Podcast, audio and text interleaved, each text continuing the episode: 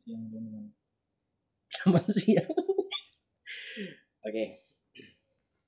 Ini Eh, belajar jadi penyiar radio kan? gugup coy. Padahal nggak ada siapa tuh anjing. Emang otak kita nih di setel sembarangan loh. Sabar. Aku tadi mau buka apa ya? Oh mau lihat tanggal. Tanggal berapa cok? Ngeblank bahkan. Ya. Selamat malam eh, semua teman-teman yang mendengarkan di podcast ini. Namanya aja nggak ada anjing. itu dia kenapa namanya nggak ada karena ya ini memang baru pertama kali ya membuat podcast Eh, Harus ada namanya. jadi apa nih di sini penetapan nama nih Aku pernah dengar teman tidur. Nanti podcast. Rintik sendu. ya rintik sendu aku juga pernah dengar jadi namanya shuffle podcast Hah? karena acak nih materi kita nanti nih gimana ya itu dari rokok shuffle pop ya kawan-kawan ya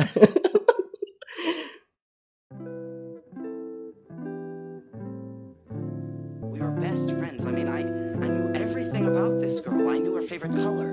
I knew her favorite food. Hai sahabat Shuffle, siapa pun yang mendengarkan, lelaki, wanita, duda muda, janda tua, apa pun jabatan kalian. Selamat datang di Shuffle Podcast. Podcast yang ngomongin pengalaman dengan rasa yang berbeda. Because the same taste is boring and you are the different taste for us.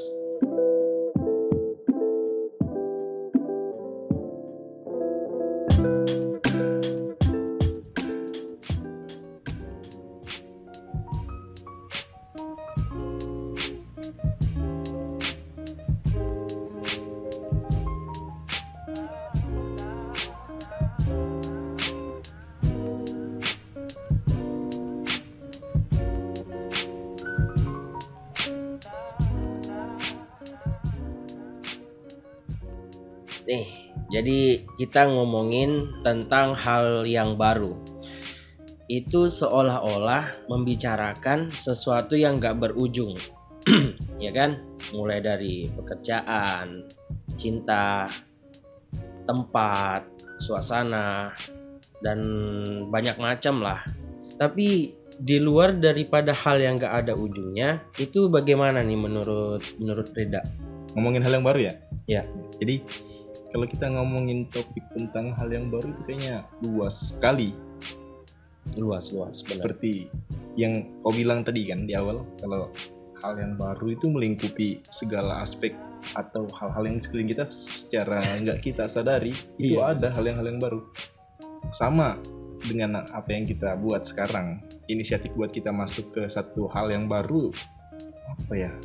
Bagi kita atau bagi ku pribadi hal yang menantang karena karena apa ya? Karena apa? Nih kok gak tahu nih karena apa nih? Loh, kok kok hilang dak? aku cari dari tadi kayak cari masalahku nih apa ya kenapa aku ngomong begini aku terus berekspektasi kayak Gak tahu. Hmm, masalahku nih kayak kenapa kita jadi ngomong begini Ini bedanya hal yang baru apa semestinya dilakukan menyikapi hal baru yang bisa kita ubah dan gak bisa kita ubah. Apa kemajuan itu sejalan dengan keputusan mencoba hal yang baru? Apa yang mendahului hal-hal yang baru? bukan itunya teh ini kayak pikiranku ini di tempat lain tuh nah nah aku coba identifikasi nih apa yang buat lari-lari pikiranku karena aku nggak fokus dari tadi nih kalau aku mau bilang mama aku bukan. Karena apa ya? Ya kan? kau sendiri nggak ada beban? Nggak ada cuma materinya aja yang aku nggak ngerti. Sebenarnya kalau misalkan aku ya kalau pikirin senang. Jadinya kalau mau membicarakan tentang pengalaman memang kayaknya enak gitu. Loh kok secara langsung mau giringan kan buat masuk dan bicarakan aku tahu caramu teh good good. Tapi aku tahu polanya semua teh anjing kau apanya? Sengaja kau kan kau giringan aku supaya secara nggak langsung aku nggak sadar ngomong nanti.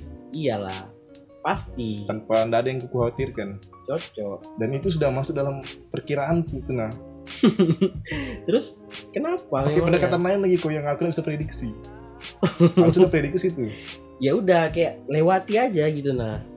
Alirkan aja karena memang wajar ya. Kayak mana ya kalau menurutku memang ini nih hal yang baru. Mohon maaf lah ya kalau kita ngeblank. Karena ya sesuai dengan topik yang kita bicarakan. Ini hal yang baru dan kita nih kayak melakukan sesuatu tanpa ada bimbingan. Gimana ya? Gambarannya itu kayak misal kita masih anak-anak yang nyoba belajar buat jalan.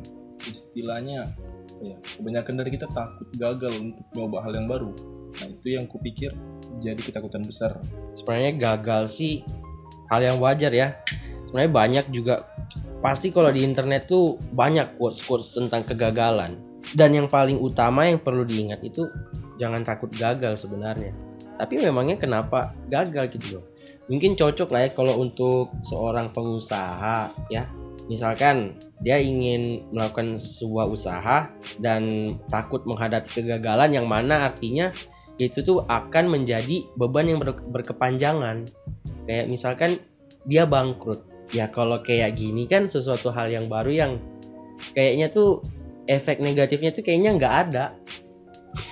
Kayak ya udahlah kita membuat hal baru ini membuat podcast kita membicarakan apa yang ingin kita bicarakan. Yang mana efek positifnya itu pasti ada. Semisalkan ada teman-teman pendengar yang sepemikiran dengan kita. Ya efek negatifnya nggak mungkin kita melakukan mendapat maksudnya mendapatkan kebangkrutan nggak mungkin. Ya mentok-mentok misalkan ada yang nggak sepemikiran dan menjadi eh, lawan dari pemikiran dari kami berdua. Kayak Ya. gitu. Ya exactly that point. Persis sebenarnya poinnya apa yang kau sampaikan tadi kalau kebanyakan alur berpikir kita dibawa oleh hal-hal yang sifatnya terbiasa kita alami. Dan itu jadi tolak ukur kita buat melakukan hal baru persis dengan orang yang ngelakuin itu.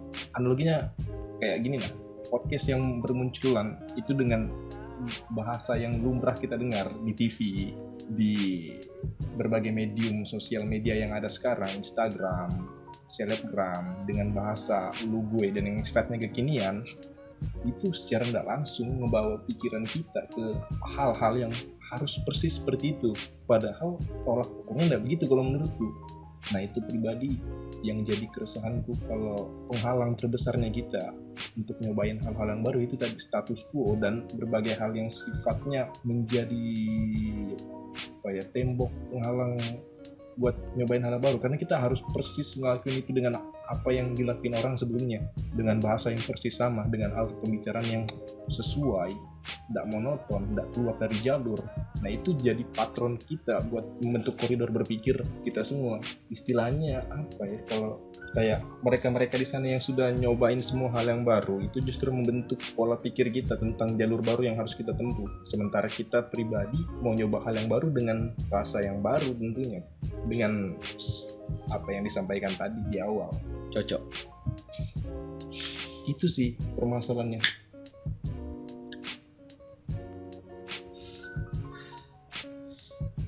jadi ini ujungnya apa nanti nih di podcast nih kayak penutupnya tuh apa? Begini kau bisa nanya tapi nggak secara eksplisit kau nanya? Ada dulu yang barengi untuk sampai ke pertanyaan contoh? Contoh misalnya di pertanyaan kedua bagaimana caranya kita bedakan hal-hal yang sifatnya baru tapi bisa diubah dan tidak bisa diubah? Ya. kan itu model pertanyaannya. Gue kemarin kan bilang misalnya aku pribadi baru datang dua minggu atau tiga minggu yang lalu. Dan dengan situasi yang sekarang karantina karena covid justru apa ya jadi penjara karena aku pribadi tuh orangnya nggak bisa diam di tempat dengan waktu yang lama. Iya. harus gerak terus. Nah jadi aku coba habiskan waktu luang itu dengan keliling dan banyak hal-hal baru ditarakan.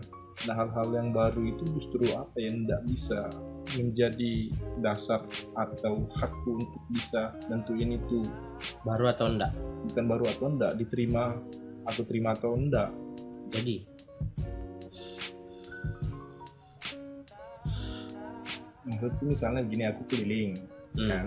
Ya. dan aku lihat GTM ini ternyata dicat baru Ah. dan warnanya nggak sesuai sama yang ku suka dan itu nggak bisa dirubah Sebenarnya bisa. sebenarnya bisa bisa cuman kapasitasmu untuk mau mengubah itu bagaimana Sebenarnya kalau mau dirubah ya, terserah lah itu punya siapa, GTM punya siapa. Kalau misalkan nih, aku nih sebagai pendatang lah ya, aku datang GTM, bukan pendatang sih tepatnya. Kayak aku ini posisinya orang Tarakan ya.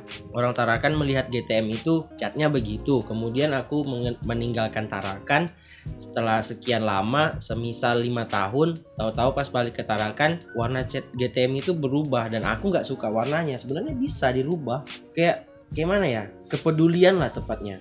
Kalau misalkan aku terlalu peduli, ya tinggal dirubah aja catnya. Beli cat, Ya. beli cat cat aja sendiri. Memang GTM besar, tapi ya kayak mana ya? Kalau memang mau dirubah, dirubah. Kalau nggak mau, ya nggak mau. Yang jadi pertanyaan adalah, apakah kamu mau merubah itu?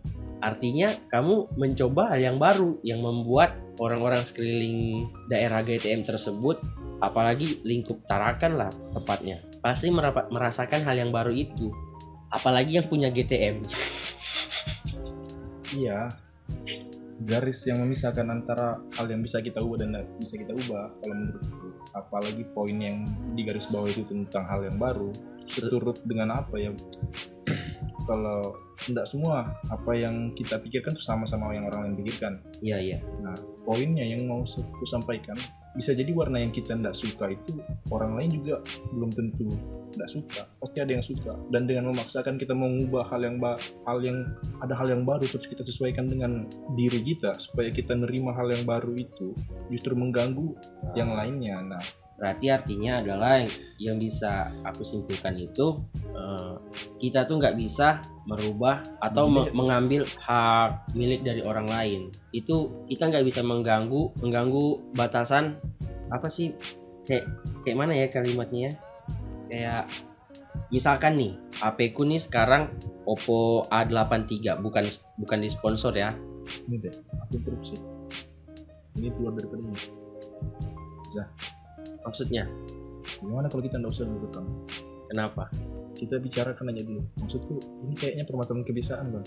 Maksudnya? Kita masuk ke hal yang baru. Pasti kita bentuk kebiasaan yang baru tuh. Jadi? Ya kita bicara aja dulu tanpa direkam. Terus? Dengan posisi kan kita sedang podcast tapi tidak direkam. Terus? Nah itu yang kita biasakan dulu. Ngerti gak kau Justru kenapa harus diformalkan? format maksudnya Kok kayak dalam pembicaraan kita tuh bakalan ada hal yang gak seret gitu lah. enggak bukan tidak seret. Jadi? Kita cari dulu warna kita. Contohnya? Dengan kita biasakan dulu tanpa ada pressure dari mana mana pun tapi seolah-olah kita lakukan itu. Ini kan kita kayak seolah-olah di pressure karena ada pihak ketiga yang secara langsung mengawasi kita nih. Hmm.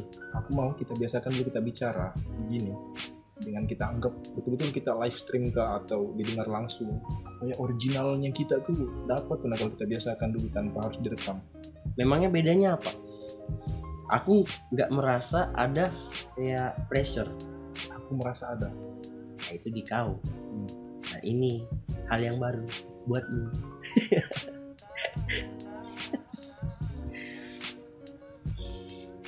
Karena kayak mana ya? Aku tuh nggak merasa kayak kayak ada tekanan, nggak ada. Ya udah kita nih anggap nggak ada secara langsung gitu lah. Nggak tau lah ya. Aku nggak merasa profesional tapi ya memang kayak gini harusnya. Ngapain harus ada kayak latihan-latihan? nah begini nah kau ngerti gak cara kita bicara tuh di situ sama di sini beda tuh Kayak mana tuh maksudnya? masa kau rasakan bedanya? Nggak rasa. kita ngomong ya begini. Cuma kau yang merasakan. Mbak aku rasa kau lakukan sesuatu hal yang beda tuh saat kita bicara. Kaku. Kayak Gimana nih? cari padanan kata yang sesuai untuk representasikan apa yang mau kita bicarakan itu susah sekali. Karena kita belum terbiasa. Coba seandainya kita bicarakan bagaimana ya? Nah aku pernah. Ya kita bicara tentang kepribadian nih. Pribadi orang ini beda-beda.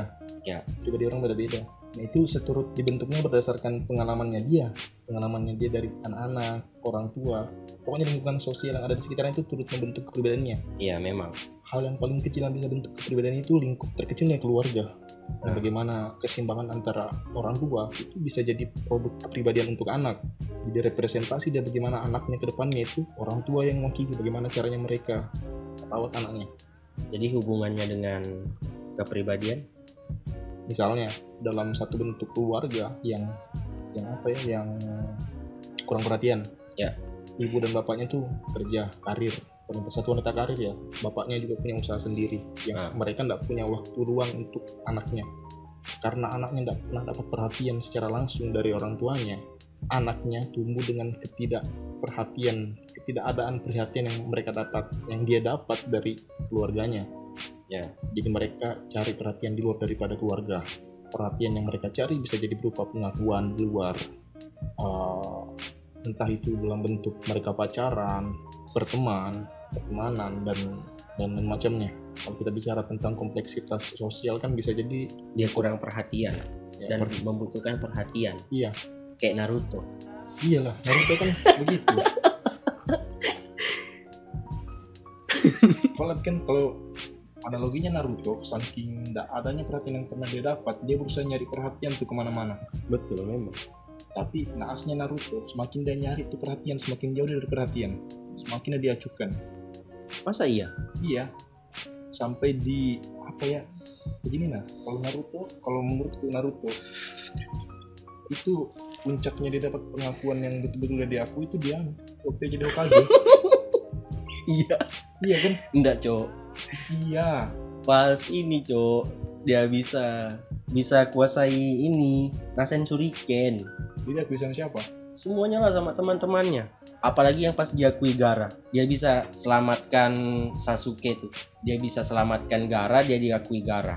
Terus eh berangkat dulu ke pribadinya Naruto Ya.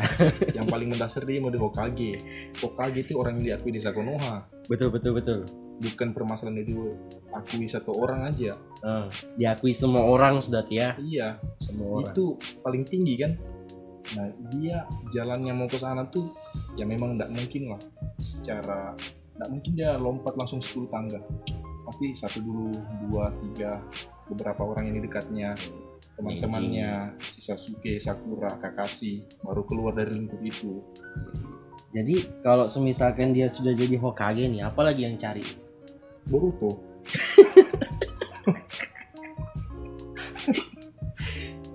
Cari Boruto dapat sudah. Kisah Boruto lagi yang berlanjut. Kisah Naruto nggak ada sudah. makanya ya makanya storyline-nya antara Naruto dan Boruto beda Naruto punya bapak tidak punya bapak Boruto punya Tapi tetap dia masih butuh pengakuan dari bapaknya. bapaknya kayak Sebenarnya sebenarnya permasalahan Naruto sama Boruto sama. Dia tuh membutuhkan pengakuan dari orang. Yang membedakan adalah Naruto membutuhkan pengakuan di seluruh desa, tapi Boruto membutuhkan pengakuan dari bapaknya sendiri. Gimana kalau seandainya memang poinnya sama yang diturunkan dari dulu. Naruto butuh pengakuan dari semua warga Konoha. Dia Naruto. dapat itu. Ya Naruto butuh pengakuan. Boruto berusaha. Boruto mungkin kapabilitasnya sudah diakui sama seluruh warga Konoha karena dia keturunan langsung Hokage. Iya, Artinya satu satu aja orang yang perlu dia yakini. Naruto. Naruto itu representasi dari seluruh warga Konoha. Artinya kalau misalnya dia mau raih puncak pengakuan tertinggi bukan lagi ke seluruh warga Konoha, tapi orang yang diakui seluruh warga Konoha. jadi maknanya apa? maknanya semuanya ndak akan habis tuh nanti bisa jadi Boruto punya anak Koruto Bukan Koruto, cu. Ada konspirasinya tuh. apa Ya kan sama Sarada. Jadinya Saruto Borada. Borada lagi ya. Boleh baju smart deh Iya. mana aja tuh. To do it for you. Oh ya kau beli juga anu It Miles. Hmm, disponsori kan ya. ya, jadi itulah dia. Memang pada dasarnya eh, melakukan hal baru tuh terkadang iya memang melakukan hal baru tuh terkadang apa ya bahasanya kayak kaku gitu nah kayak ibaratnya bahasa simpelnya nih ya kayak baru pertama kali ngebrai Hmm. kayak nggak tahu ini lubangnya yang mana simpelnya kayak gitu kayak misalkan juga kalau dalam lingkup bermain basket ya hal yang baru itu kayak kita nggak tahu gimana caranya dribble nggak tahu apa makna dari traveling. Sama dengan podcast ini. Ya ini juga hal baru yang artinya kita nggak tahu bagaimana caranya untuk ngobrol secara santai. Jadi ya kayak gini bicaranya masih kayak orang di depan panggung masih gugup. Dan kesimpulannya pun memang terkadang abstrak, abstrak memang. Nggak tahu apa yang mau ditarik ya mungkin kesimpulan yang bisa didapat itu kalau seseorang ingin melakukan sesuatu dengan niat pasti tercapai kayak Naruto. Berarti kalau aku punya niat masuk surga nih, insya Allah ya sudah ya. Insya Allah.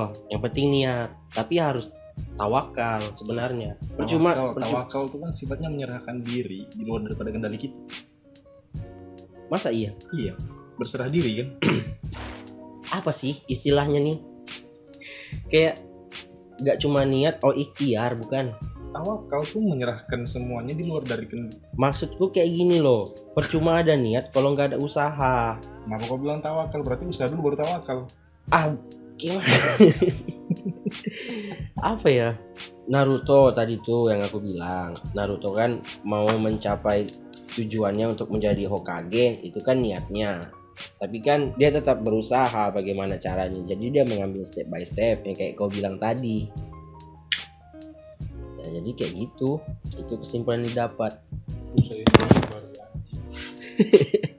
memang susah coy. Itu tinggal kayak mana ya?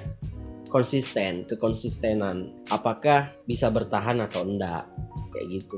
Sebenarnya bisa kita kayak mencoba hal baru dan nggak cocok bisa ditinggalkan kalau misalkan hal baru itu dirasakan dan enak ya udah dilanjutin. Kayak udah jadi drug aja kayak jadi drug.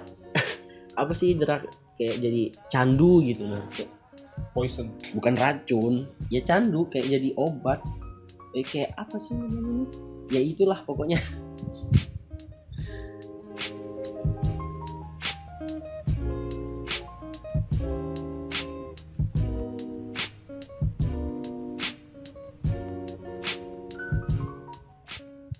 terus gimana penutupnya dari semua podcast tuh aku nggak pernah dengar sampai selesai Nggak ada sih. Dia biasa menutup pakai misalnya ada pertanyaan-pertanyaan yang jawab. dapat pertanyaan dari mana Ya tadi.